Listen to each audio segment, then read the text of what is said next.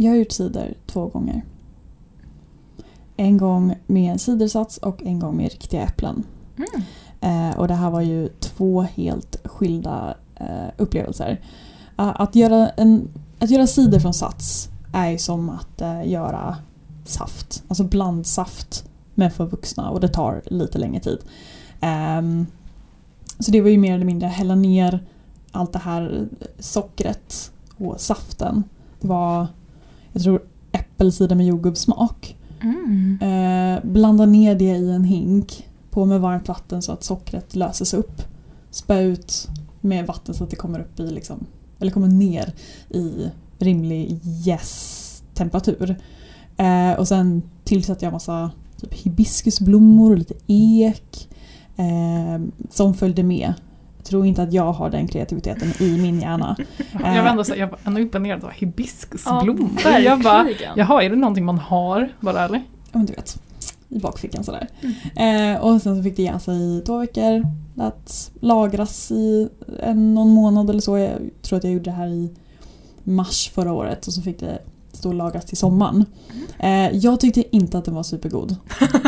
eh, och det, det är inget fel på själva satsen utan det är mer så här, jag tyckte att den var ganska sötsliskig. Eh, och då tillsatte jag inte ens sötningsmedlet. Men min mamma gillade. Så jag fick göra någonting och ge till min mamma som hon gav till sina kollegor också. De tyckte det var jättegott. Så det kanske var en liten tantcider. Förlåt mamma, jag älskar dig. Eh, men ja, det, det var inte riktigt i min smak. Men att göra cider från riktiga äpplen, från scratch, som de professionella gör. Gisses Amalia, vilket jobb! Det började ju med att jag och min mamma åkte hem till min moster eh, och knackade på och frågade om vi fick plocka äpplen från deras äppelträd. Eh, och jag tänkte så här, ja, även fast vi känner henne och hon har sagt någon gång ja ni får plocka äpplen så vill man ju inte bara åka dit och palla. Eh, vi knackade på, svarade inte, vi ringde det visade sig att hon var sjuk. Så vi typ så här låg och liksom eh, försökte Jehovas vittnen så här komma in och, och prata med henne men hon liksom låg och sov. Eh, hur som helst, vi plockade äpplen, jag tog med dem till jobbet eh, och eh, använde en av våra fruktpressar. Som man vevar igång. Och det var ju ett, ursäkta att jag svär, ett helvete! Att krossa de här äpplena. För jag vet, det, var, det var säkert jag. Det är säkert skit bakom spakarna men jag fick liksom inte den här veven att gå ordentligt så att knivarna verkligen tog alla äpplen. Så jag fick ju så här manuellt peta ner äpplena bland knivarna när jag vevade. Vilket är en liksom skada waiting to happen. Jag står där och håller på och pillar med massa knivar. Um, sen så stoppade jag ner det här i en press. Pressade lite must på det hela. Också så här hand, handvevning. Jag, jag var så himla stark. Har ingen aning. Eh, men men det var, jag hade inte så mycket äpplen. Eh, så jag hade kanske en ICA-kasse full med äpplen. Det blev typ tre liter must. Så mycket jobb för så lite must. Eh, men jag tog hem det, pasteuriserade. Att dricka varm äppelmust var jättegott. Det var nog det bästa med hela upplevelsen. Eh, och sen så typ försökte jag jäsa det här. Jag tillsatte typ bentonit och pektolas. För jag hade läst det att man måste klarna det och måste bli av med pektinet. Och den blev typ grådassig. Jag menar det kan bero på att jag eh, glömde bort den här glasnummergenren under trappen hos mina föräldrar. Eh, men, men jag hällde ju ut det. Jag är ju liksom queen av att inte våga pröva Mm. saker utan bara så här, ge upp och hälla ut det. Så jag har ingen aning om allt det jobb jag gjorde ens var värt. Jag är impad av hur mycket du offrar så här, bara på typ en magkänsla av Absolut. att du ger upp på en Jag, gång. jag tänker inte efter någonstans utan om jag liksom... Mm, eh, nej. Häll ut. Vaska skiten. Ja! Men det var absolut, eh, jag tänker på den ölen du pratade om i förra avsnittet. ehm, som du hade... ehm, Den som var så bäsk. Ja, som du hade liksom låtit... Ja, Den hamnar ner i toaletten! ja precis. Vaska skiten du den ens? Eller du, var, du, bara, du kände inte så att du ville ge den en chans? Jag, jag smakade den efter vi hade liksom pratat om det. Jag gav den lite tid. Mm. Men det var, det var inte tillräckligt mycket bättre för att jag skulle våga typ ställa upp med den eller ta med den till någon träff. Jag skämdes. Åh.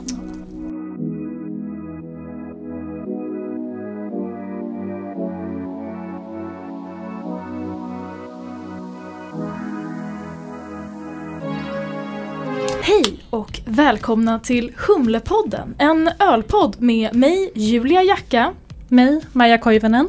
Och mig, Rebecca Findell. Hösten har kommit och vi kommer därför idag prata om cider. Förutom att vi kommer dela med oss av tips på hur man gör egen cider, berätta om egna erfarenheter och ha lite ciderhistoria har vi även en underbar intervju med Katarina Holmberg från Norrtäljes musteri som berättar om hur det är att vara entreprenör och jobba med mustning. Vi har även köpt en av Katarinas mustar och ska prova den senare och även recensera lite annan cider. Så ehm, jag blev ju nedröstad på att prata om lager idag, vilket jag tyckte var ett bra tema för att det historiskt sett matchar med IPAn. Men jag blev ju nedröstad för att ni, och nu gör jag såna här citattecken, hade bättre argument än mig. Um, så ja, nu ska vi prata om cider. Jag har aldrig gjort cider. Jag vet inte hur man gör cider. Jag kommer inte kunna bidra alls här, så grattis till er. Det är ert avsnitt. Jag hoppas ni är nöjda. Julia, för det första, frukta icke. Lager kommer få sin tid. Den som väntar på något gott. Eh, och så vidare och så vidare. Men, men eftersom du, jag gissar, har ingen erfarenhet av att göra cider. Nej. Om, du, om jag skulle tvinga dig att göra cider nu, va, var skulle du börja någonstans? Nej men alltså jag, jag, det är här jag blir osäker. För jag har gjort vin och öl nu. Och där är ju hygien ganska viktigt. Så jag har ingen aning om det är så superviktigt att rengöra äpplena. Så jag menar, jag skulle plocka äpplen eh, från I assume någon ovetande stackares trädgård för att jag inte har access till äpplen. Eh, ta dem, tvätta dem, lägga dem i något för att krossa. Det vet jag att vi säljer. Man pressar, man häller i något konserverande, kanske blandar med lite vatten. Häller i en jäshink. Eller nej, man behöver inte jäsa must. Jäser man must? Shit, I don't know.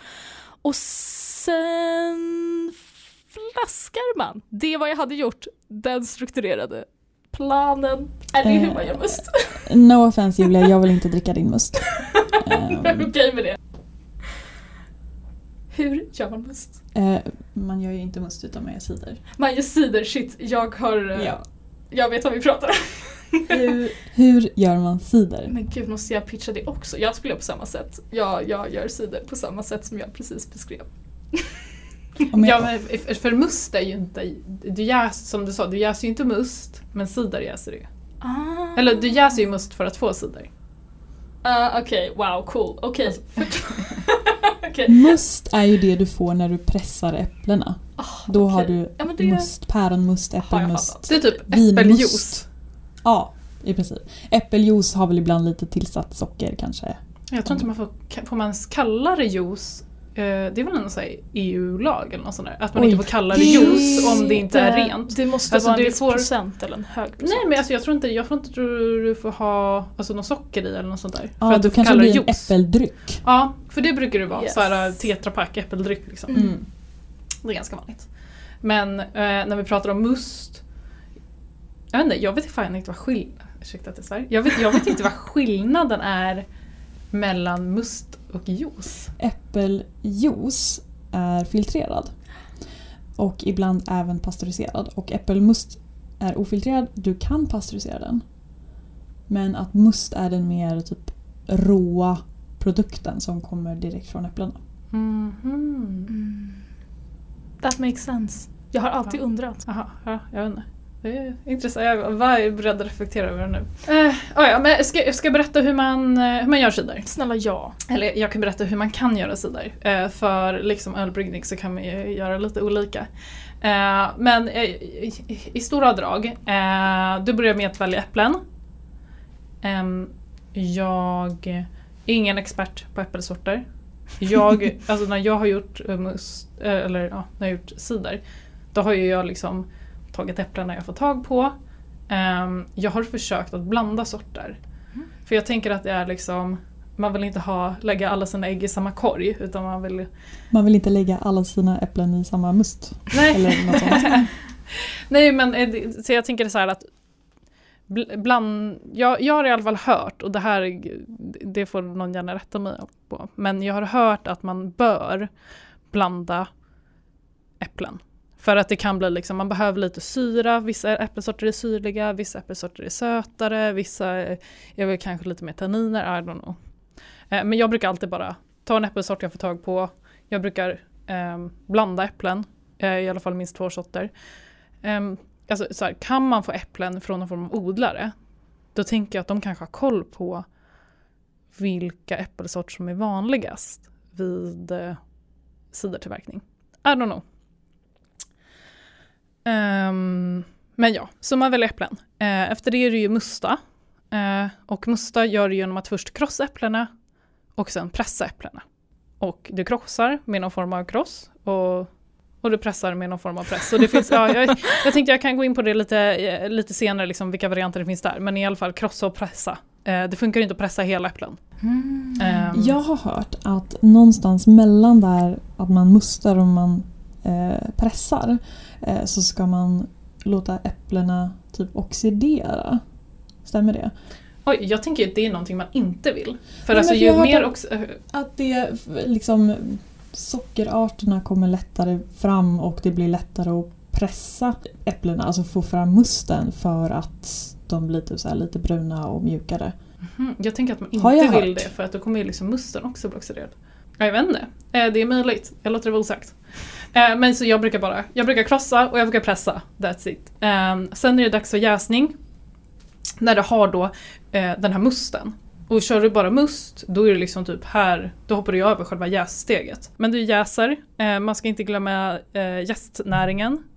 För att must i sig är väldigt näringsfattigt. Så därför vill du tillsätta någon typ av jästnäring för att eh, jästen ska liksom orka jäsa det här. Du ska inte tillsätta något vatten. Ehm, det är annars väldigt vanlig en liksom, fråga man kan få. att Okej, men jag har musten, hur mycket vatten ska jag tillsätta? Tillsätt inget vatten. Eh, vill du få musten, st- eller eh, siden starkare, då kan du tillsätta socker. Men jag gillar ju bara att jäsa musten som den är. Inte tillsätta något vatten, för det vad du gör då är ju bara att du spär ut. Och tillsätter du vatten och socker i musten, då kanske du, alltså då spär ju inte ut den i den, alltså då kommer det inte så att det blir utspätt och mindre alkohol. Men du kommer också få liksom, Mindre smak. ja precis. Så det finns liksom en anledning i vatten. Så när du har mustat, alltså krossat och pressat eh, äpplena, eh, då är det dags för jäsning. Ehm, innan jäsningen så kan man eh, göra tre olika saker för att den inte liksom ska börja vildjäsa. Så länge, menar, det kan vara så att du vill vildjäsa, men de flesta gör inte det. Varför Eh. skulle man vilja vildjäsa? För att man vill det. Det kanske göra lite funky smaker. Okej, Ja, det är liksom okej. Mm. the old way. Eh, nej men, så, men de flesta vill inte det för att man vill ha kontroll över jäsningen. Eh, Vildjäser man så vet man ju inte hur, hur det skulle bli. Liksom. Och det tar mycket längre tid. Yes. Mm. Ehm, så vad du gör är att du antingen pasteuriserar, håller typ 80 grader i typ ish 20 minuter ehm, för att ehm, ja, ta död på eventuella gäst, liksom bakterier och gäststammar och sådana saker. Eh, och då måste du då vänta tills den är kall innan du tillsätter jäst och sådana saker. Ehm, eller i alla fall rumstempererad. Ehm, du kan också ha i eh, kaliumdisulfit. Vad är det för något? Ehm, det kan även kallas kamdenpulver. Ehm, Mhm. Så vad det gör är att det eh, förhindrar eller liksom motverkar eh, vildjäst och eh, oxidation. Um, och det, det är det jag brukar använda för att jag orkar, jag brukar, när jag mustar så brukar jag musta ganska mycket och jag har inte en så stor kastrull så jag kan pasteurisera. Uh, men så jag brukar bara ha i det. Um, men att tänka på är att ska man ha i kaliumdisulfit så måste man ju vänta minst uh, ett dygn eh, innan man tillsätter gästen. För annars så tillsätter man gästen och sen dör gästen av kaliumdisulfiten som liksom är kvar i Okej, i så man måste låta det jobba färdigt liksom innan man introducerar ny gäst. Ja, precis. Eh, och liksom, det är alltså minst ett dygn. Eh, jag skulle liksom kanske vänta ett och ett halvt dygn eller två, Mm. bara för att vara säker. Mm. Ehm, det tredje man kan göra är ju att använda en så kallad killer yeast. Alltså du tillsätter en gäst som är så pass stark att, eller liksom kraftfull och dominerande att du helt enkelt um, ja, tar död på alla, eller inte tar död men liksom, du lämnar ingen plats uh, åt de här vildgäststammarna. Den tuffaste gästen på skolgården. Yeah, Precis, wow. precis. I'm impressed. Och det är min favorit, för min favoritgäst att faktiskt äh, jäsa cider med är ju en så kallad killer yeast. Så vad jag brukar göra är ju att jag gör en kombination av dels tillsätter kaliumdisulfit och sen också använder en sån här killer yeast för att vara säker. Och, så, ja, och det här är liksom sån här jäst, det finns både flytande, det finns torrjäst och jag brukar mest använda torrjäst och då är det bara sprä över den över eh, ytan.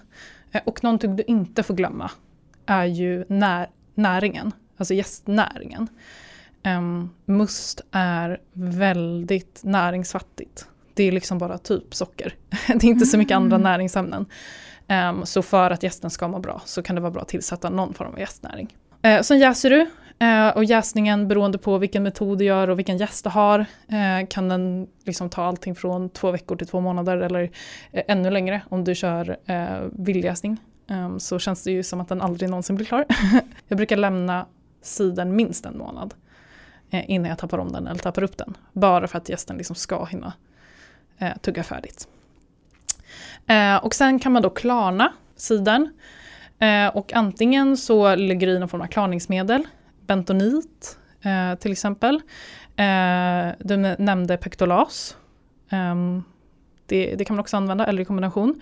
Eh, sen finns det lite andra sådana här, typ gelatin i sin glass och sådana. Ehm, eh, om man vill använda det. Eller så använder man inga klarningsmedel alls. Um, har man inte bråttom, då behöver man inte använda något klarningsmedel. För liksom med tiden så blir den väldigt klar. Uh, oavsett om du lagrar den på flaska eller på fat. Men jag brukar, ja, jag brukar nästan alltid använda lite bentonit bara. Och det brukar funka ganska bra. Och sen är det upptappning efter den är jäst, färdigt. Uh, och då tappar du upp den antingen på flaska eller fat. Beroende på hur du vill göra. Uh, jag brukar ha, jag brukar tappa upp på fat Eh, och då brukar jag använda mig av kaliumdisulfit och kaliumsorbat. Eh, okay. jag, jag bara kollar på dig. För jag... jag, jag tänkte säga, vad heter det här, DAP? Som är ja, diammoniumfosfat, men det kanske är... Det är jästnäring. Mm. Ja, då var jag helt ute och cyklade. Nej men så jag, jag brukar, eh, i alla fall jag brukar tappa upp på, tappar upp på flaska så tappar jag upp den direkt. Om jag tappar upp på fat eh, så har jag i eh, kaliumdisulfit och eh, kaliumsorbat. Eh, för att vara helt säker på att jäsningen liksom avslutas och stannar. Ehm, för att ja, förhindra extra oxidation och eh, ja, det är lite konserverande liksom. Och efter det eh, så, ja, jag brukar väl inte göra mycket. Jag låter det stå ganska länge. Jag tycker cider blir bäst efter typ ett år. Um, så jag brukar låta, brukar låta min cider liksom stå ganska länge. Uh, men det när jag liksom på hela färdiga äpplen. Um, man kan ju smaksätta cidern med olika saker. Du kan ha i ek, du kan ha i andra frukter. Um, eller liksom, ah, andra typer av smaksättningar. Uh, det går... För jag vet att du gillar ju fläder. Ah. Skulle man kunna göra fläderäppelcider? Ja. Mm. Det skulle du kunna. Um, så antingen så kan du liksom, alltså, ha i dem i jäsinken uh, och låta dem stå uh, för sekundären redan den klarnar, står med någon form av eh, smaksättning. Eh, eller så har du i det i samband med att du tappar upp. Eh, ska du ha liksom en halv söt cider, eller en söt cider, då måste du i någon form av ehm, antingen liksom socker, eh, men då måste du ha i den här som jag pratade om, kaliumdisulfit och kaliumsorbat. För att den inte ska fortsätta jäsa. Eh, för vad den gör är att den dödar liksom all jäst. Så då fortsätter det inte jäsa. Men då kan du inte heller kolsyra jäsa på flaska. Utan då måste du tappa upp på fat. Um, men ja, det var lite snabbt hur man gör. Så nu vet du exakt hur du ska göra. Oh, wow, yeah, ja, tack! Det är prov nästa vecka. Ja, uh. jag förstår det. Nej, jag hade ju inte koll, visade det sig. Jag, jag, kan ju snabbt bara gå igenom så här, om du ska göra sidor. Det behövs inte jättemycket utrustning. Um, jag pratade om kross och press. Uh, ska man musta själv då skulle jag verkligen rekommendera att ha en motorisk fruktkross. Rebecka håller med. Eh, ja. ja. men kolla mina biceps! Nej men alltså jag, alltså jag har själv stått där och vevat, det är fett jobbigt. Eh, så, och jag har använt sådana här motoriska och de är så smidiga, det går så snabbt, de bara liksom äter upp liksom äpplena. Um, och sen uh, ska du pressa och då finns det också så här mekaniska pressar eller så finns det uh, hydrauliska pressar eller hydropressar kallar man dem. Och jag har bara använt hydropressar. Du, det är i princip som en ballong som pressar uh, ut um, saften ur äpplena mot liksom en vägg. Lite svårt att förklara men eh, de går så snabbt, de är så smidiga och man får ut så mycket av äpplena. Så jag skulle rekommendera en hydropress framför en eh, mekanisk fuktpress. Och sen kan ju också gå till ett musteri och få äpplena mustade. Och det är ju supersmidigt, för då är det ju enda du behöver är ju en jäshink, jäsrör, eh, en hävert för att tappa upp med och en flaskfyllare, eh, flaskor med kapsyler och kapsylerare om du inte använder någon form av typ patentkork. Då behöver du inte ens det. Och det är sån utrustning som de flesta hembryggare redan har. Så att om man redan kan brygga öl så är det inte mycket mer man behöver liksom investera i eller lära sig för att komma igång med att göra egen cider. Nej, och det är ju supersmidigt att liksom kunna bara gå och musta äpplena. Eh, för det är kanske inte alla som vill eh, spendera flera tusen kronor på kross och press för att musta någon gång per år. Eh, men ja, eh, så att det är inte jättemycket som behövs. Men jag, jag kan ju berätta lite snabbt om eh, första gången jag gjorde cider. Eh, för jag har ju också gjort sådana här typ eh, på sats. Och de är ju supersmidiga, det är svårt att göra fel. Ehm, så ja, är man osäker första gången så kan man göra på sånt sidesats. Men jag, jag gjorde ju, när jag gjorde första gången, eh, cider från riktiga äpplen, då fick jag eh, cider från typ några vänner, det var liksom så våra förra grannar som hade jättemånga äppelträd, lite blandade äppelsorter. Um, så då fick jag äpplen eh, av dem. Och eh, jag hade lånat hem en press från jobbet, en hydropress. Men jag hade inte lånat hem en kross. Uh-oh.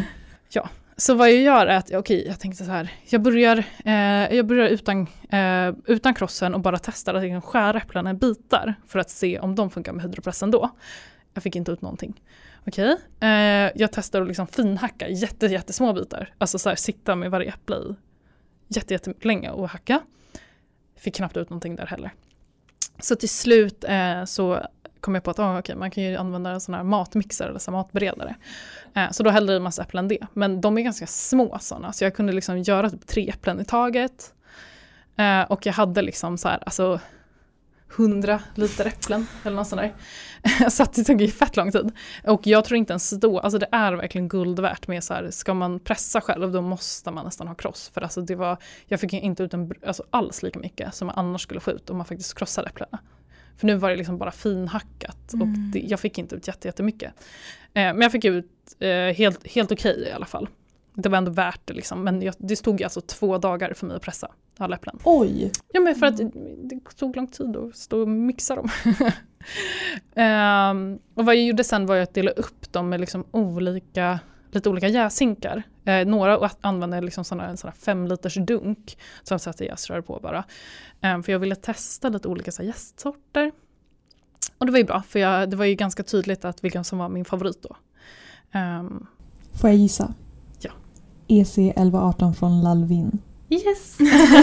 ja men det var någonting med hur ren den mm. blev i smaken och det tycker jag fortfarande att den blir liksom, den blir clean, man känner liksom tydlig liksom den här äppelsmaken men den lämnar inte så här superfunky fruktiga liksom dofter. Uh, så det gillade jag med den. Så gillar man liksom en sån bara väldigt clean enkel cider skulle jag rekommendera den gästen.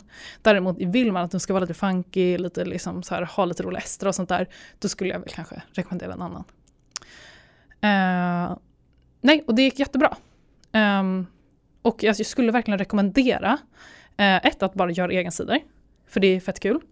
Eh, och det är trevligt att ha lite annat än bara öl. Eh, och eh, två, att om man gör egen cider, även fast, man inte, även fast det inte blir jättemycket, är det ganska trevligt att liksom dela upp den och köra till exempel två olika gästsorter. Eller eka en och inte eka den andra. Eh, dela upp det lite, för det är trevligt att ha lite variation. Och jag tror att det är många människor som har äppelträd i sina trädgårdar som inte har något att göra med alla äpplen. Ehm, så jag tror att om man, om man ber snällt så kan man nog få, få underlätta för trädägarna och plocka deras äpplen. Och jag har för mig att det finns en hemsida eh, där man kan liksom gå in och se ja, här är en person som bor där borta som har den här äppelsorten i sin trädgård och så kan man fråga liksom, ja, får jag komma och plocka någon kasse hos dig? Um, Så, så om man inte har egna äpplen så behöver man inte palla. Man kan be om det. Hörde du det Julia? Du behöver inte bara gå och sno äpplen. Du kan bara be snällt.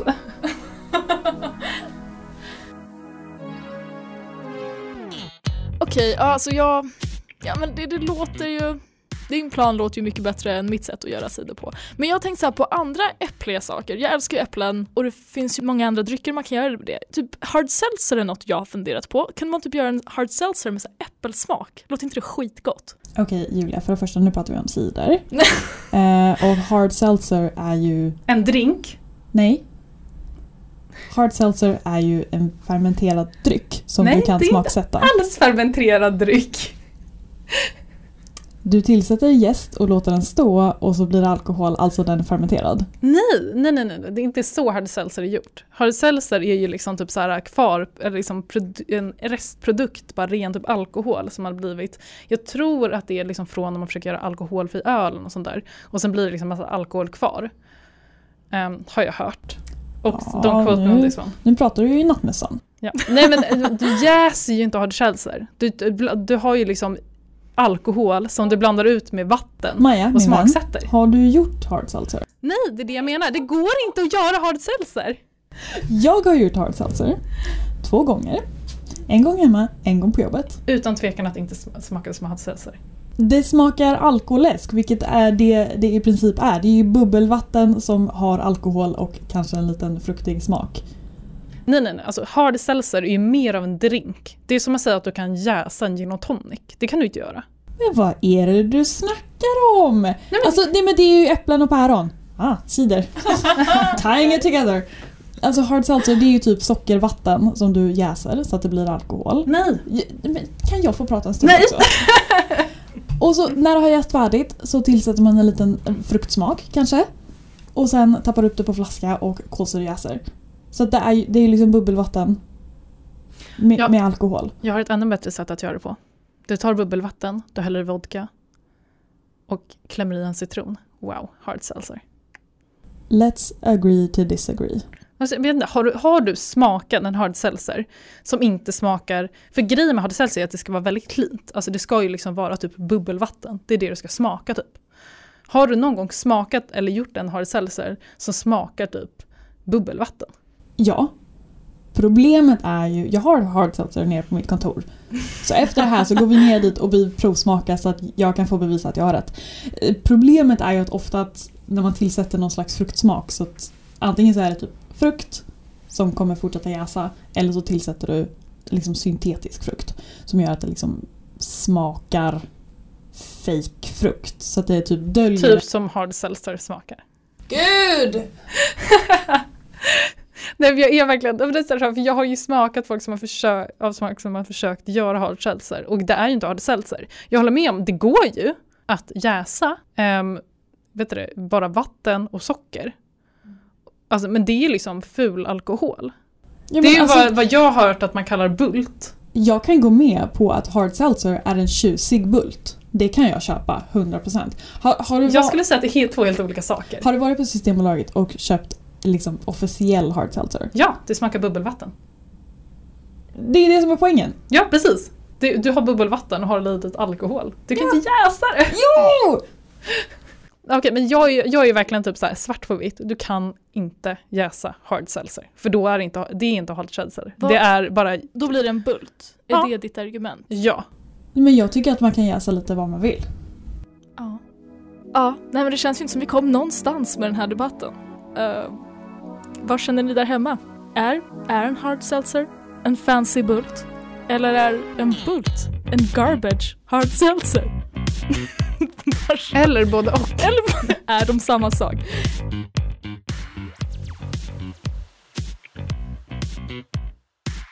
Vi har ju som mål att försöka intervjua en cool person i varje avsnitt. I framtiden kommer det ju vara mycket mer bryggare, eh, men idag fick jag äran och intervjua en jättecool person som jobbar med mustning. Vi kom i kontakt med grundaren av Norrtäljes musteri som heter Katarina Holmberg. Ring ring! Halloj! Hallå Katarina! Hej! trevligt att höras. Julia från Humlepodden här. Fantastiskt. Vem är du och vad gör du? Eh, Jag heter Katarina Holmberg och jag eh, är en musteriägare i Norrtälje. Eh, Och jag skulle nog också vilja kalla mig för entreprenör och inspiratör. Hur länge har du varit det här? Jag är inne på femte året nu. Det är faktiskt nästan exakt fem år sedan jag, jag registrerade företaget Norrtälje Musteri. Ja. Men wow, hur, hur kommer det sig? Hur, varför startade du det då? Ja, det är lite, egentligen som med så mycket annat så är det nog slumpen som, som spelar roll. Jag, jag hade ett annat jobb och så kände jag att det skulle vara skoj att, att testa att göra någonting nytt och att det skulle vara väldigt roligt att, att driva något eget företag. Men jag hade ingen idé om vad jag skulle göra. Så att, eh, Eh, då hade jag lite, något år tidigare varit på ett musteri i närheten här med mina äpplen från trädgården och Ah. tyckte att det såg kul ut. Och sen så tänkte jag att men det kanske kunde vara någonting. Skulle kunna behöva ha ett musteri i Norrtälje. eh, och sen så, så då blev det det helt enkelt. Det var inte krångligare än så. Nej. Det är ju så häftigt. Är du nöjd? Var ett bra val? Ja, alltså jag har hela tiden sagt att jag har inte ångrat mitt val.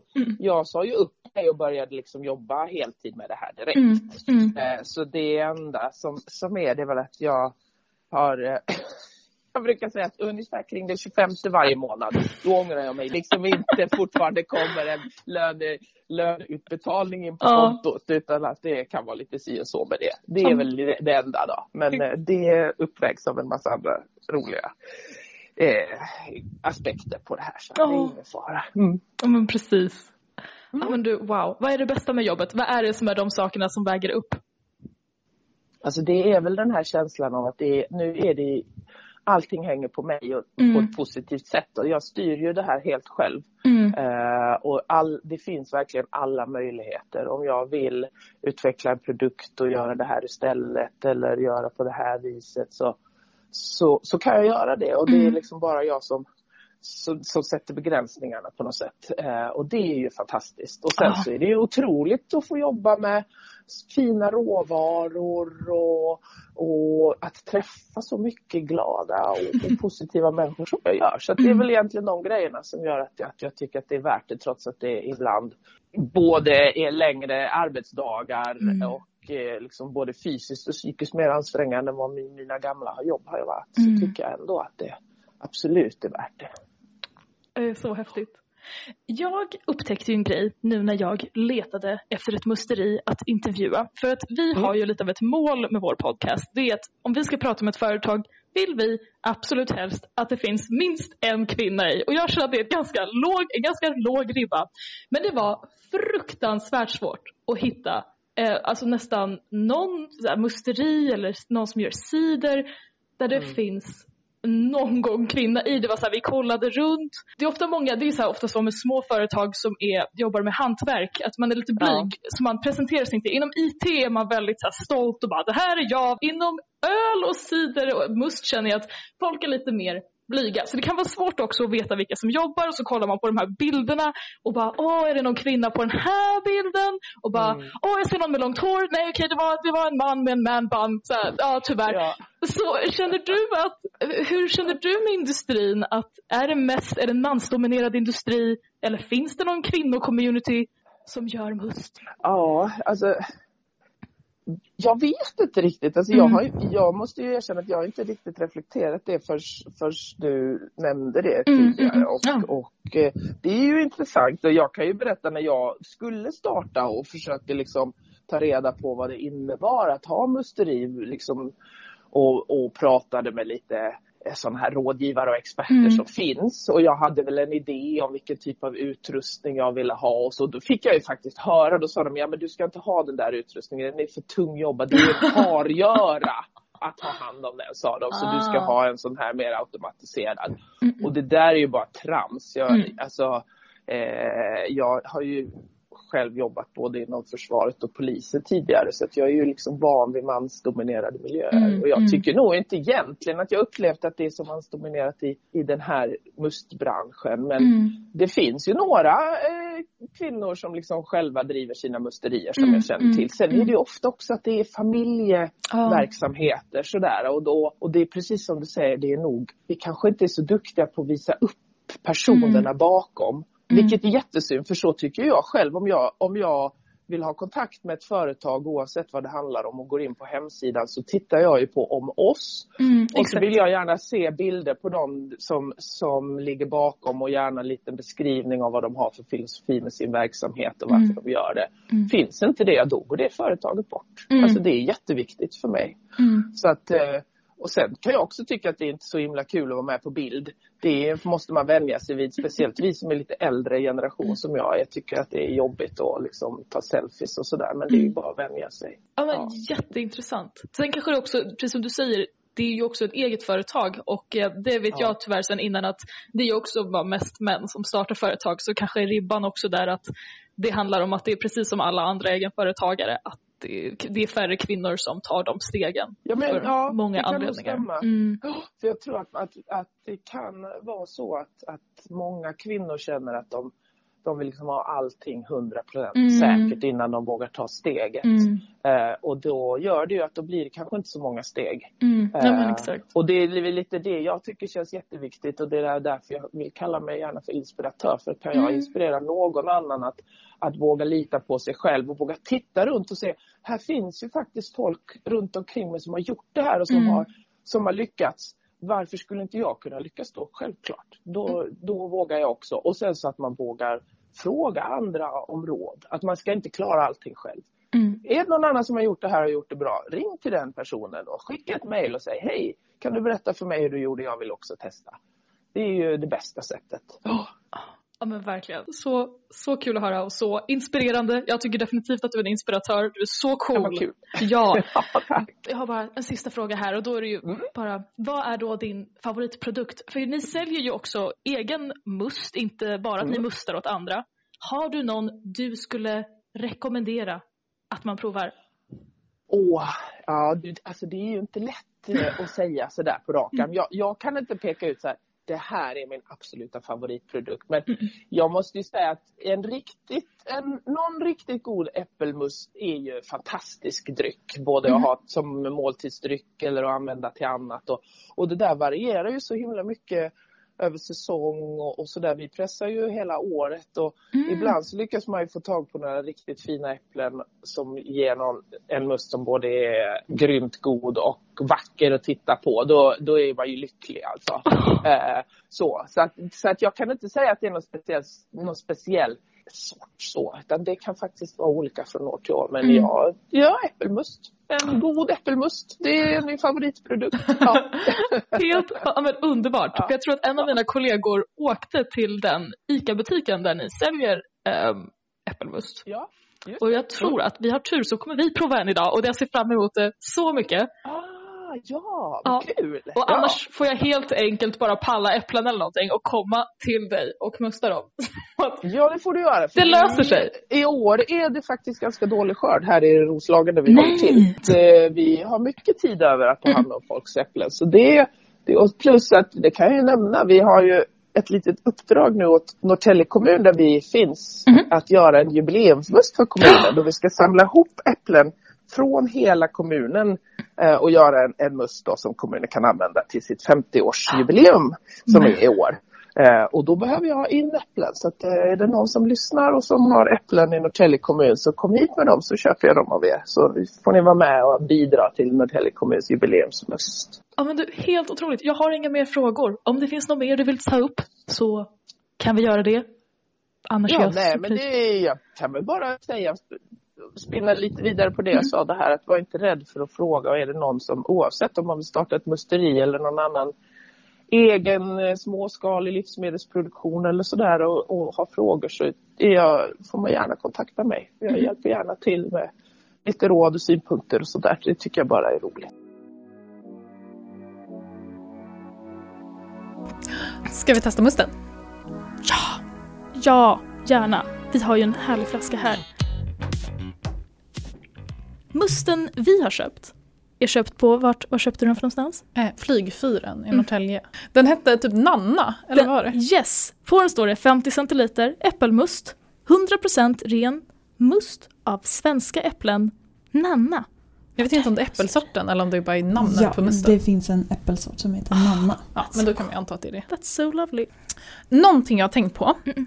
är ju, ehm, alltså, vi, vi tog upp det lite snabbt, det här med de här små tetraförpackningarna med äppeldryck. Och jag tror att det är ganska vanligt i så barnfamiljer och sådana saker. Eh, men att tänka på att det är ju oftast, det finns sådana juicer.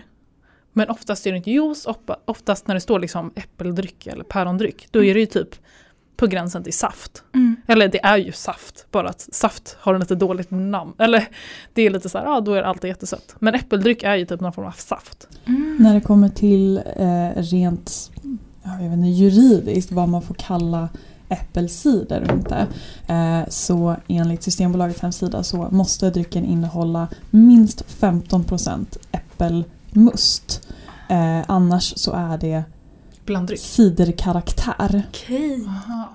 Det tycker jag ändå var ganska lågt. 15% jag trodde det skulle vara högre för det finns ju jättemycket som heter ciderkaraktär. Då är det så här, vad har ni Ah. ens i då? Men jag trodde det här att det var så äppeldryck med ciderkaraktär. Jag trodde det var att det, det inte var någon alkohol i. Att det inte fick vara, alltså det får inte heta cider om det inte är alkohol i. Men det är alltså typ Det är hur Äppelprocent. mycket procent äpple det. Eh, och då, jag kommer prata mer om det här senare men det här är ju låga siffror jämfört med eh, ciderbestämmelser i andra länder. Okej, spännande. Okej, jag håller i mitt glas här nu och alltså doften är helt fantastisk. Det luktar så gott ur mitt glas.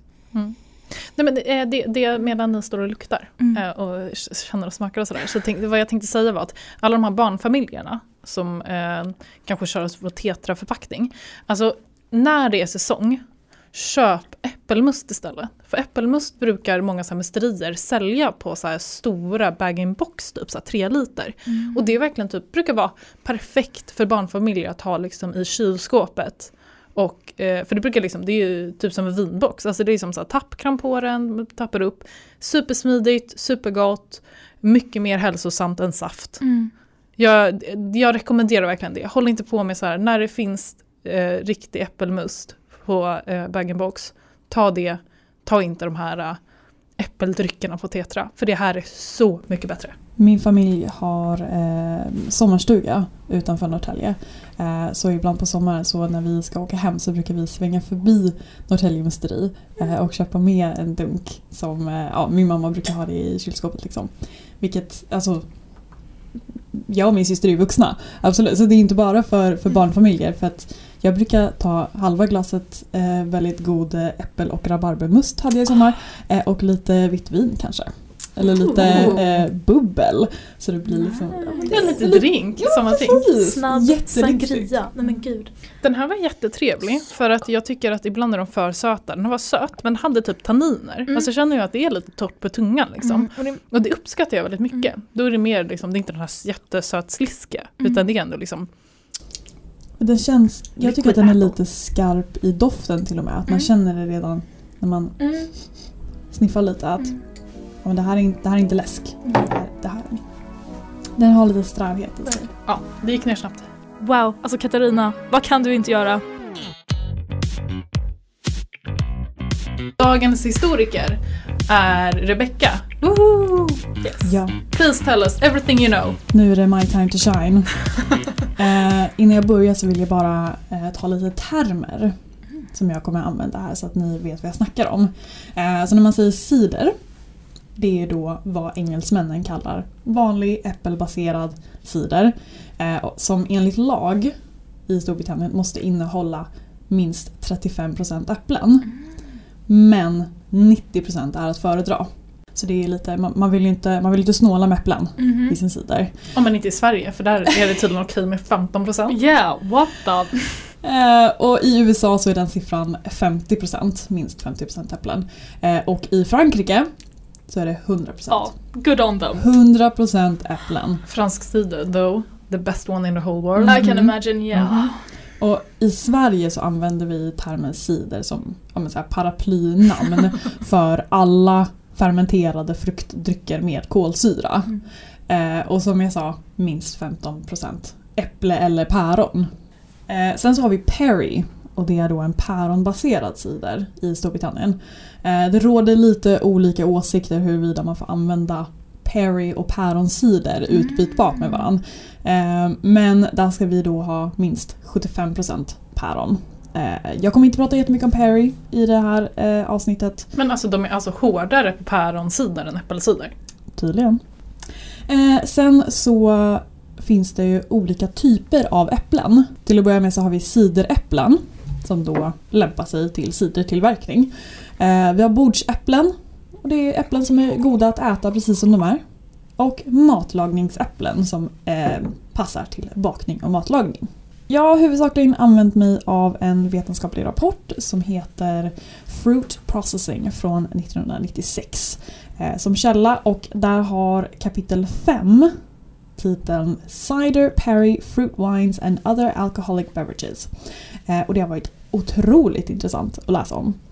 Eh, och sen för den svenska sidan av myntet så har jag använt mig av cideräpplen i Sverige. Och det är en rapport från SLU, Sveriges lantbruksuniversitet. Eh, det finns belägg på att cider har tillverkats och avnjutits i över 2000 år. Säkert mer.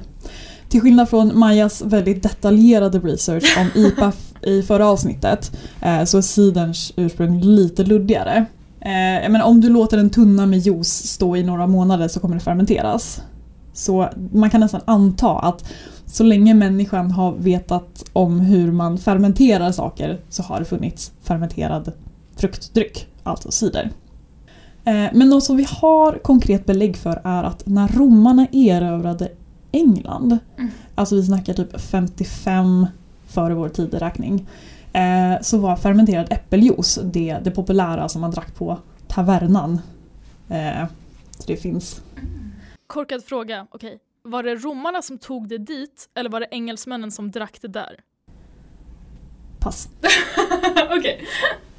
Eh, om vi sen hoppar lite i tiden så under 1100-talet så var cider mer populärt än öl i Europa.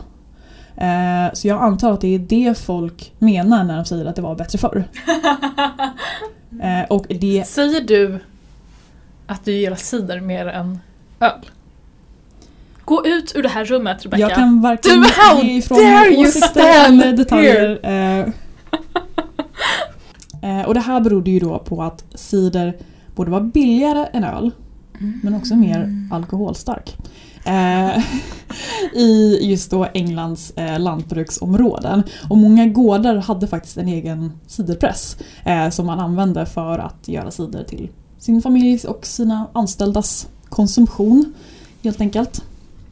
Eh, men liksom kommersiell cidertillverkning tog inte fart förrän på typ 1800-talet i England. Eh, och det, det liksom fanns ju självklart de här gård- gårdarna som tillverkade sin egen cider som kanske sålde lite här och där. Eh, men inte på den skala som kom just på slutet av 1800-talet. 1976 infördes alkoholskatt i Storbritannien. Eh, vilket gjorde att eh, den här tillväxtkurvan för kommersiell cidertillverkning planade ut. Men den återhämtade sig redan typ på 90-talet. Utbudet är nu inte bara i England utan globalt. Allt från cider på fat, flaska, burk, fatlagrad, alkoholstyrka från en halv procent till 8 procent. Sötma från befintlig till obefintlig. Alltså söt, halvtorr och torr och allt däremellan. Men fransmännen då? Ja, vi kan ju inte glömma fransmännen. Eh, det är ju välkänt att när du är ute efter cider så är det ju ofta mellan fransk och engelsk cider du får välja. Eh, och redan under, redan under första århundradet före vår tideräkning eh, skrevs det om överflödet av äppelträd i Gallien, alltså nutida Frankrike. Karl den store var ett stort fan eh, och Wilhelm Erövraren var en bidragande faktor till att cidern fick fäste i Storbritannien. Eh, och fransmännen är väldigt specifika med vad som får vara i deras cider. Traditionellt så används bara cideräpplen till skillnad från ja, matlagningsäpplen, bordsäpplen. Max 50% av fruktjuicen får komma från koncentrat och det är förbjudet att tillsätta socker. Men stopp tänker du. Är inte fransk cider känd för att vara sötare än engelsk cider? Va? Jag tänkte tvärtom. Ja, jag blandar ihop dem där hela tiden. Men hur som helst, det beror helt på äpplet, inte tillsatt socker. Eh, och cideräpplen delas in i fyra kategorier. Sweet, bitter sweet, bitter sharp och sharp. Och sweet, alltså söta cideräpplen, eh, har lite syra och lite tanniner. Bitter sweet har lite syra men mycket tanniner. Bitter sharp har mycket syra och mycket tanniner. Och sharp har mycket syra, lite tanniner. Cideräpplen med en syrahalt över 0,45% betecknas som sharp eh, och de med lägre halt betecknas som sweet. Sorter med en fenolhalt över 2 mg gallsyraekvivalenter per gram torrvikt betecknas som bitter. Nu blev det för mycket Ja. kemi för mig nästan. Ja, det här kommer på provet nästa vecka. Några exempel på engelska och franska cideräpplen. Så de här söta, sweet, så har vi i England Taylor's Sweet och Court Royal. I Frankrike så har vi Germain och Rouge Durée. Bitter Sweet så har vi Dabinett och Yarlington Mill i England. Eh, medan i Frankrike så har vi Bedin och Bisquette. Bitter Sharp så har vi Kingston Black och Bulmers Foxwhelp. Och Domaine och Frequin Rouge. Och Det är min favorit. Frequent Rouge. och sist men inte minst så har vi Sharp och då har vi Browns Apple och Frederick. Och i Frankrike Rambo och René Martin. Har ni hört talas om några av de här äpplena? Jag känner mig så okultiverad nu. Nej, det. Absolut inte en enda. Inte en enda, nej. Det är helt okej. Eh, och det finns en oskriven regel när det kommer till just val av äpplen. Nämligen ett syrligt äpple på två söta och två bittra äpplen. Alltså, när du väljer äpplen så vill du ha en del syrliga äpplen, två delar söta och två delar bittra. Eh, och det syrliga äpplet ger friskhet, det bittra ger struktur och garvämnen och det söta ger en mild smak och alkoholstyrka. Och nu kommer vi till Sverige. Ingen av våra svenska äppelsorter är så kallade cideräpplen. Därför saknar svensk cider ofta den här, så här distinkt beska smaken eh, som fransk och engelsk cider är liksom nästan känd för. Eh, och varför cideräpplen inte lämpas att odlas i Sverige är inte riktigt känt ännu men det är något som Svenska lantbruksuniversitetet eh, har ett pågående forskningsarbete om eh, på utvalda gårdar i Skåne eh, som de skriver om i den här rapporten. En teori är att franska och engelska cideräpplen mognar senare på året och att den svenska hösten är alldeles för kall. Ingrid Marie är en dansk äppelsort som odlas i Sverige och det är ett höst och vinteräpple men lämpar sig inte så bra i cider ett bordsäpple. Och bordsäpplen används ibland i svensk cider eh, men det får liksom inte samma effekt. Äppelsorter som eh, Katja, Cox Orange och Summer Red är exempel på bordsäpplen som kan användas i cider i kombination med andra sorter. Sveriges största och mest välkända varumärken när det kommer till cider är utan tvekan Kopparbergs, Rekorderlig, Herrljunga, Briska och Kivix som också gör must och juice.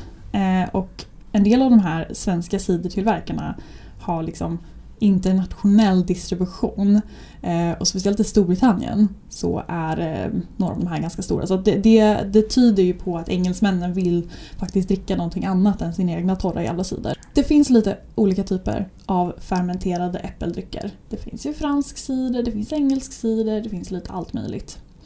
Ehm, och vi kan börja med cidre som är traditionell fransk cider. Vanligtvis ganska låg alkoholhalt, 3-5%. Antingen doux som betyder söt eller brut som betyder torr. Sen har vi calvados. Det är ett äppelbrännvin från Normandie eh, som brukar vara ungefär 40-42% ekfatslagrat i minst ett år. Serveras traditionellt som en digestif eller en eh, typ smaklöksnollställare mellan eh, rätter. Eh, och lite fun fact. På tyska skulle det här, den här typen av dryck kallas för obstler. Som eh, betyder fruktbrännvin. Obst är då tyska för frukt. Sen har vi pommeau. Eh, och det är då två delar äppelmust och en del calvados som sen får lagras på ekfat i minst ett år. Eh, så alkoholhalten där brukar bli ungefär 16-18%. Det var Karl den stores favorit. Han ville att det skulle bli Frankrikes nationaldryck. Eh, och det tillverkas i norra Frankrike i Bretagne, Normandie och Maine. Eh, sen engelsk cider. Oftast torrare än fransk cider, har en sträv munkänsla. I den guiden jag läste så stod det att strävheten kunde påminna om rödvin. Om man håller med om det, Julia nickar. ja. Ja.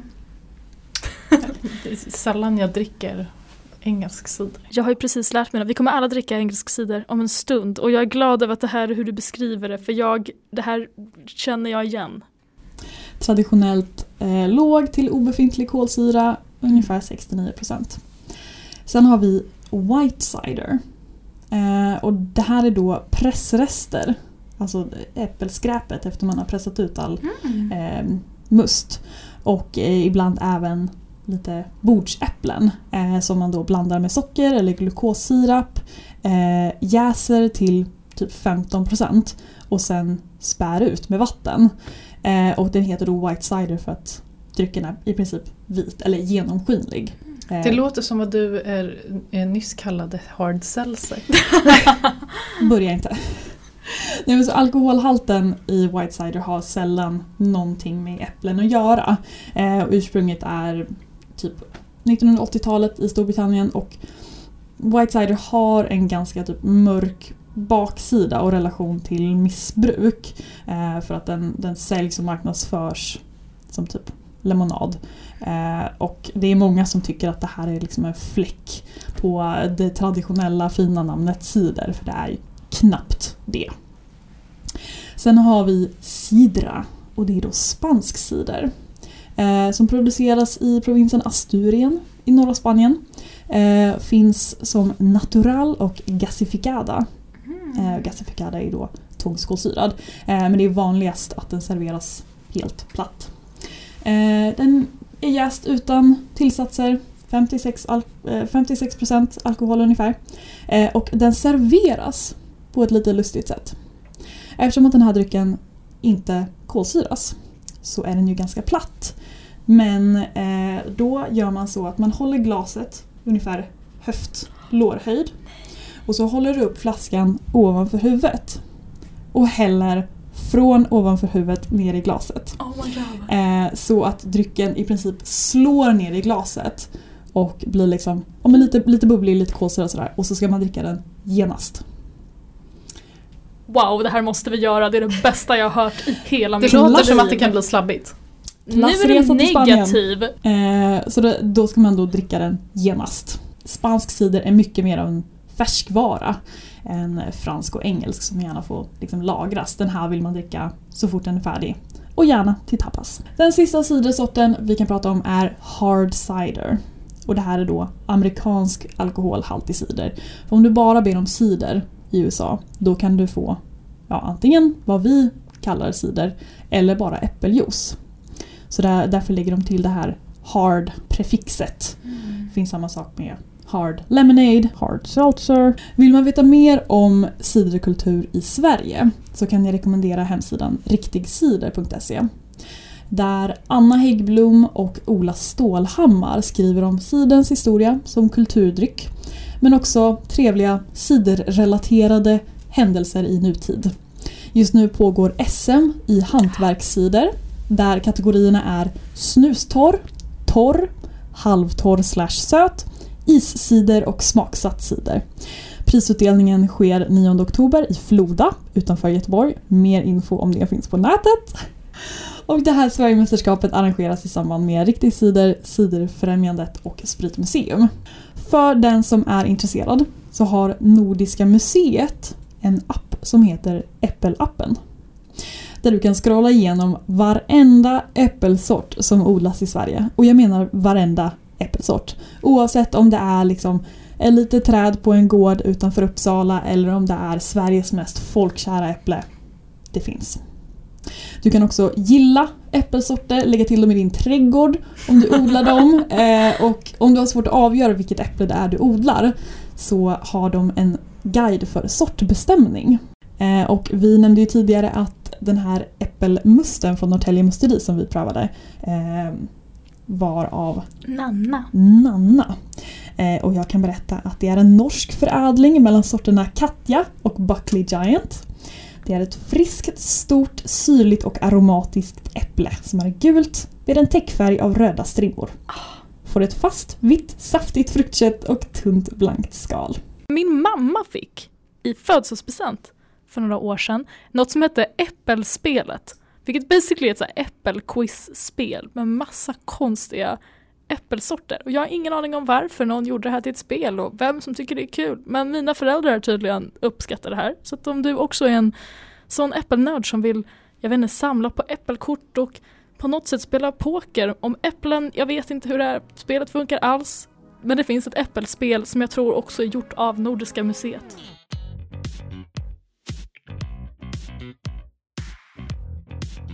Så nu hoppas jag att ni har lärt er massor om äpplen. Oh, ja. Jag har alltså glömt bort ungefär eh, alla um, Okej. äppelnamn. Ja. Det var illa för nu Oh shit. har det blivit dags för quiz. Oh no!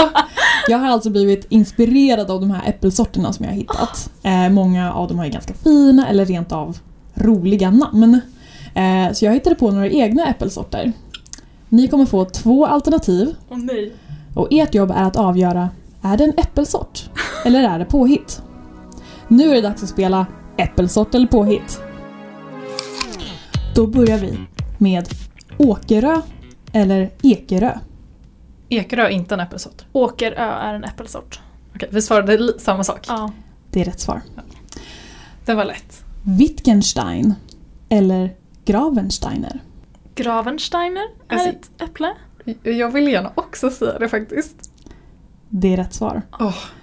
Wittgenstein är ju en, eh, eller han var, en filosof Ah. på början av 1900-talet. Pink Lady, Pink Eller- Lady är en äppelsort. White Man. Ja. Den var lite lätt, jag tänkte att det var rolig också. Den är rolig. Det står tre lika nu. Mm. Nu, Det är för att vi lite, har svarat samma sak båda två. Ja. nu blir det lite svårare. Mm. Belle de Boskop. Eller Boskop de Belle. Ja, Belle de Boskop. Tiden börjar rinna ut. Belle de Boskop tror jag. Det är rätt. Yes, min lilla franska som jag kommer ihåg från högstadiet made a bit of sense. Ja, nu kommer en riktig kluring, hoppas jag. Rudolf eller Rödnos? Jag tror Rudolf. Ja, Rudolf. Det är fel. Rätt Rätt svar är-. Rödnos som är ett annat namn för äppelsorten Discovery. Sankt Per eller Sankt Olof? Sankt Olof tror jag är en äppelsort. Ja, men för att ha lite spännande kan jag säga motsatsen då, men jag tror att du har rätt. Men jag tänker säga Okej, men Sankt Säg det du tror att Okej, är men rätt. jag, jag, jag tar Sankt Per. Jag hade fel. Jag borde ha tagit min, den andra innan. Jag hade magkänsla. Sankt Per. Rätt svar är Sankt Olof. Mm. Sankt Per är ju den svenska benämningen på Petrus som Mm. var en av Jesu apostlar. Ja, nej, men jag visste det, men jag tänkte att det kanske fortfarande var ett äpple. Liksom. Att de, de bara, här i ära till dig är du ett äpple nu också. Nästa äppelsort eller påhitt. Topaz eller Safir? Safir. Nu vill jag en så här, för det, det lär ju vara i, i, topas eller safir det som är rött. Eller i båda. Oh, Men inte, är topas you. blå, då tror jag på safir. För topas är blå. Eller? Är topas röd? Jag tror topaz är grön och Safir är blå. Oh shit, du har rätt. Det är sant. Topaz är det, men jag, står, jag säger Safir fortfarande. Fuck it. Okej, jag har ingen aning. Jag antar topas då. Topaz är rätt svar. Ah, yay! Det gröna såklart, för det är såklart ett grönt äpple. Ja, Ah. jag tänkte Jag tänkte inte att äpplen kunde vara gröna. Jag fokuserade helt på röda äpplen. Nu kommer en lite... Vänta, jag ligger först! Ja, det är Ja, ganska mycket nu nu. står det Två poäng. Tre poäng. Sex poäng till Maja och fyra poäng till Julia. Mm. Tequila. Eller Sunrise. Sunrise. Sunrise. Det är rätt svar. Nästa äppelsort eller påhitt. Britta. Eller Inger. Inger. Inger. Mm, det var en liten kuggfråga. Båda Ingen av dem är en äppelsort. Aha. För det är min mormor och min farmors namn. Ja, Mm. Nice. kunde ni inte ha vetat va? Nej. Ja, nej men Inger lät ju verkligen som att det skulle vara en äppelsort. Ja, är du helt säker på att det inte är det? Har du kollat i äpplet? Eh, ja. Okej. Ingrid är en Ja, äppelsort. exakt. Och Ingrid Ja. Marie. Okej. Eh, nu kommer sista frågan här. Cox pomona eller Cox paloma? Cox på Mona. Ja, jag tror också den. Det är rätt svar. Mm. Ah. Paloma är ju latin och betyder duva. Mm. Så det Ah. står nu alltså åtta poäng till Maja och sex poäng till Julia. Men jag, jag förberedde en utslagsfråga här eh, Ja. som jag tänkte vi tar. Den, Ifall jag inte skulle ha utklassat Julia. den är lite klurigare hoppas jag. Vad kallas en person som vet saker om äpplen? Alltså det tjusiga namnet för en äppelnörd. Fan, det var det jag tänkte säga. God damn. jag var äppelnörd. Pom... Nej, det är potatis. Eller, Jag bara, heter, är det? På franska är ju pom, pota, pom, pom de terre är potatis och pom är äpple. Så jag gissar att det kommer vara någonting liknande det. Det kommer vara pom och sen så proffs. Så vi säger... Vill ni ha en ledtråd? Ja. Eh, en person som vet saker om eh, psyket heter ju en psykolog. Pomolog. Japp. Ja, det där hade jag inte kunnat jag göra den. Det var imponerande. Jag hade aldrig kunnat det. Så jag får säga grattis till Maja Ja. som Maja klickar aggressivt på applådknappen. Maja är vår vinnare och självklart har jag ett pris till dig Maja. Va? Ja, Får jag pris? ett äpple. Varsågod, här är ditt pris. Jag, jag kanske borde nämna att jag är egentligen inte är jättestort fan av äpplen. Eh, och jag är allergisk. Eh, det här är då ett äpple som jag plockade från äppelträdet ute på parkeringen. Eh, så huruvida man bör äta det. Eh, Vi gör sådär, du får halva. Oh, Varsågod. nej! Jag plockade till till dig Julia. Jaha, men här har jag, här har jag halverat Varsågod. äpplet med mina bara Ja, det är händer. Så, så, Maja delade frickin' precis som The She-Hulk upp äpplet i två delar med sina händer. Det är så coolt. Det var en kompis på dagis som kunde det. Like en femåring. Hon brukade bara dela äpplen med sina händer. Det är fortfarande en av de coolaste grejerna jag vet. Maja gjorde nyss det. Hon får bonuspoäng för att she's Ah. a show-off. Och hon bet sig direkt i läppen. Nej, och jag känner jag har tandställning och mina okej. undertänder är lösa. Så att det gjorde okej. ont för äpplet var väldigt hårt. Hur som helst så vill jag tacka er att ni ville delta i mitt eh, äppelsort eller påhitt-quiz. Och en, applåd för Rebecca för Ja. sitt fina quiz. Wow. Vi har ju testat lite olika sidor. Yes. Och eh, jag ehm, kan ju berätta lite bakgrund då. Eh, jag är ju svag för humlad Mm. Det tycker jag är jättetrevligt. Jag tycker att det är en ganska trevligt, um, om man är lite trött på att alltid dricka typ uh, öl till maten, så är en torrhumlad cider jättetrevligt. Det är också liksom någonting man kan smaksätta cider med. Eh, och det känns ju som att det har blivit lite mer populärt nu också på senare år med en torrhumlad cider. Um, så att jag testade en torrhumlad cider. Den heter eh, Hopple, alltså en blandning mellan hops och Apple. Apple, antar jag.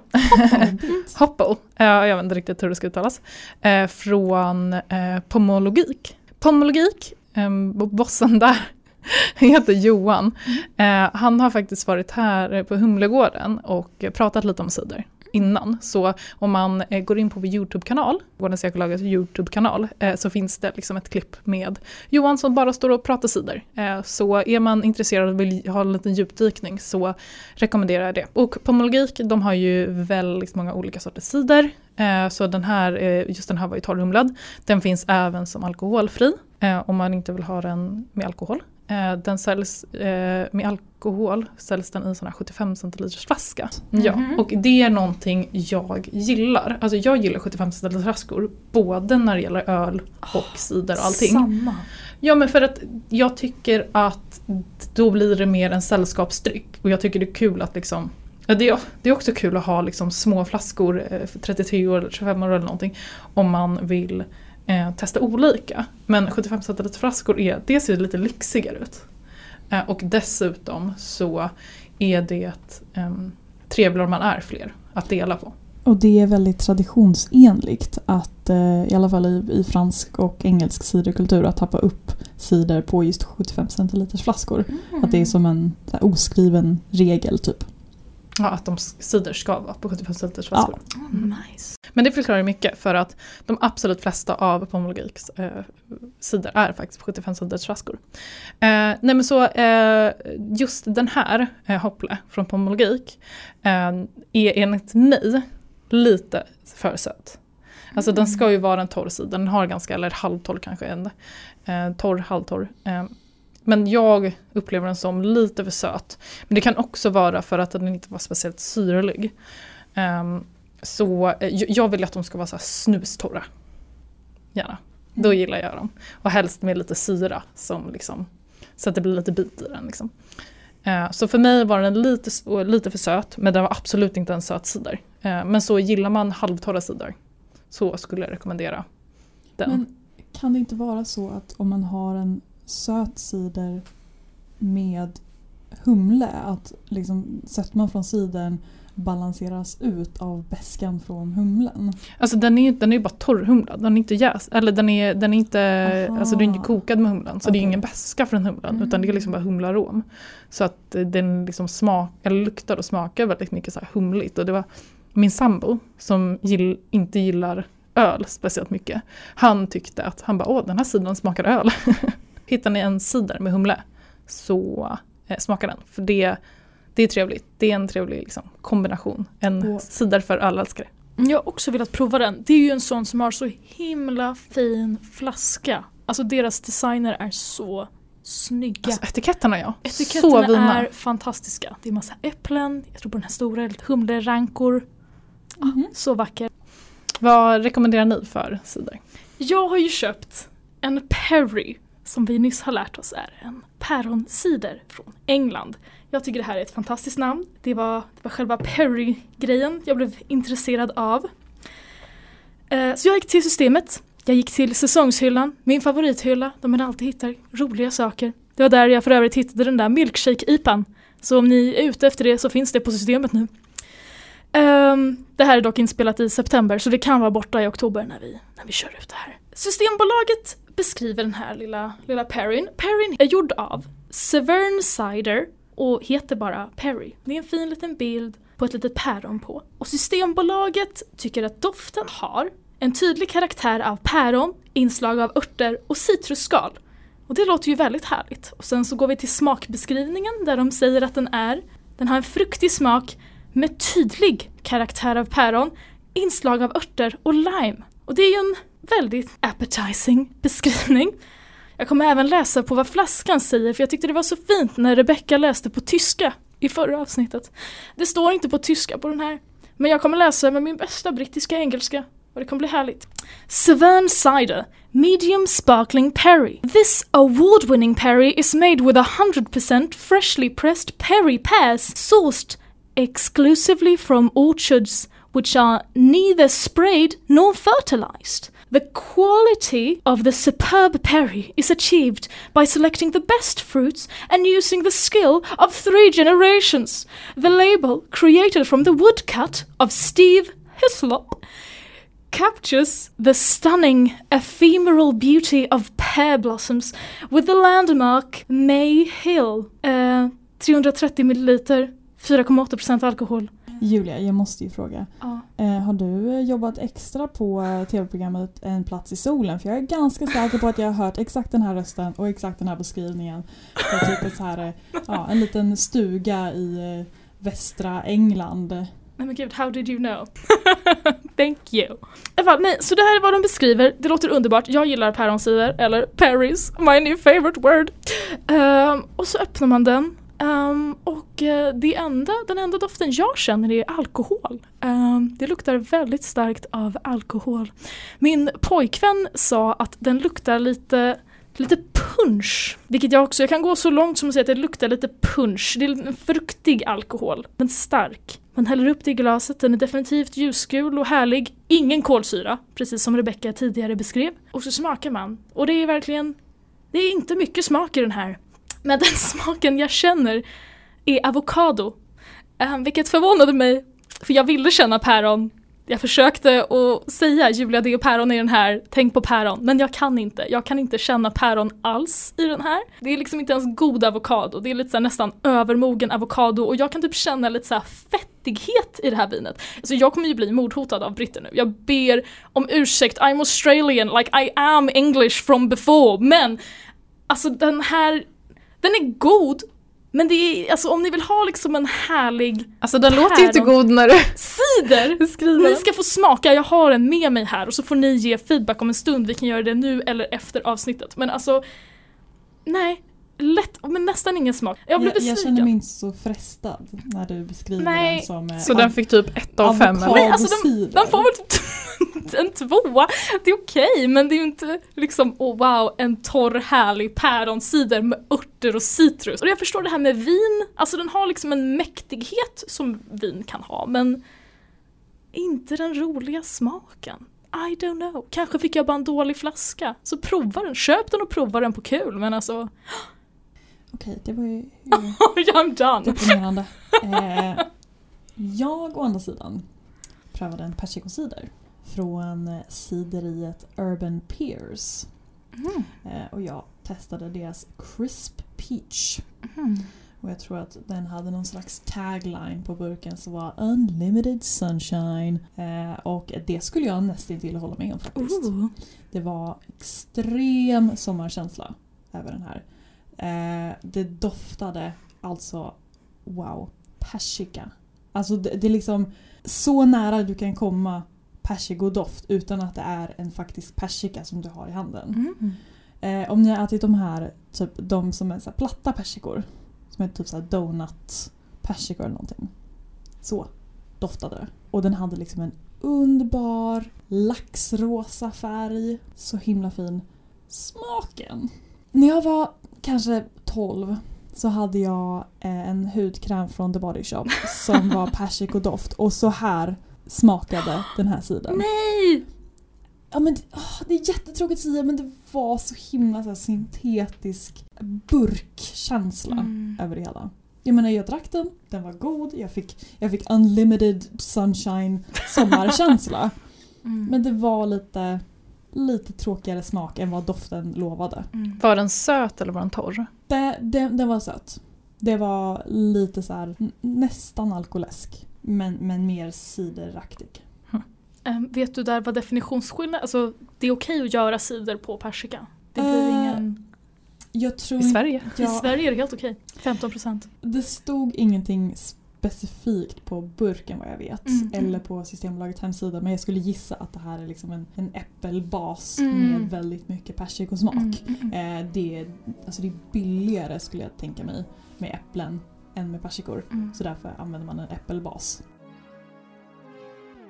Ja, det här avsnittet har ju handlat om cider. ehm, men vi lovar kommande avsnitt handlar om öl. Ehm, det passade bara lite bättre i säsongen nu. Att ha ett litet cideravsnitt. Vi Sådär. har inte glömt bort lager. Nej. Frukta icke.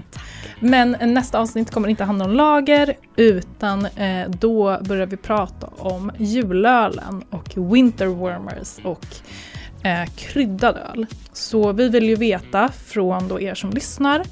Eh, är det något speciellt ni vill eh, höra om? Vad dricker ni till jul? Har ni några tips om julöl? Har du någon åsikt om mumma? Mm. Eh, ja. Det vet jag inte ens vad det är. Jag ser fram emot nästa avsnitt!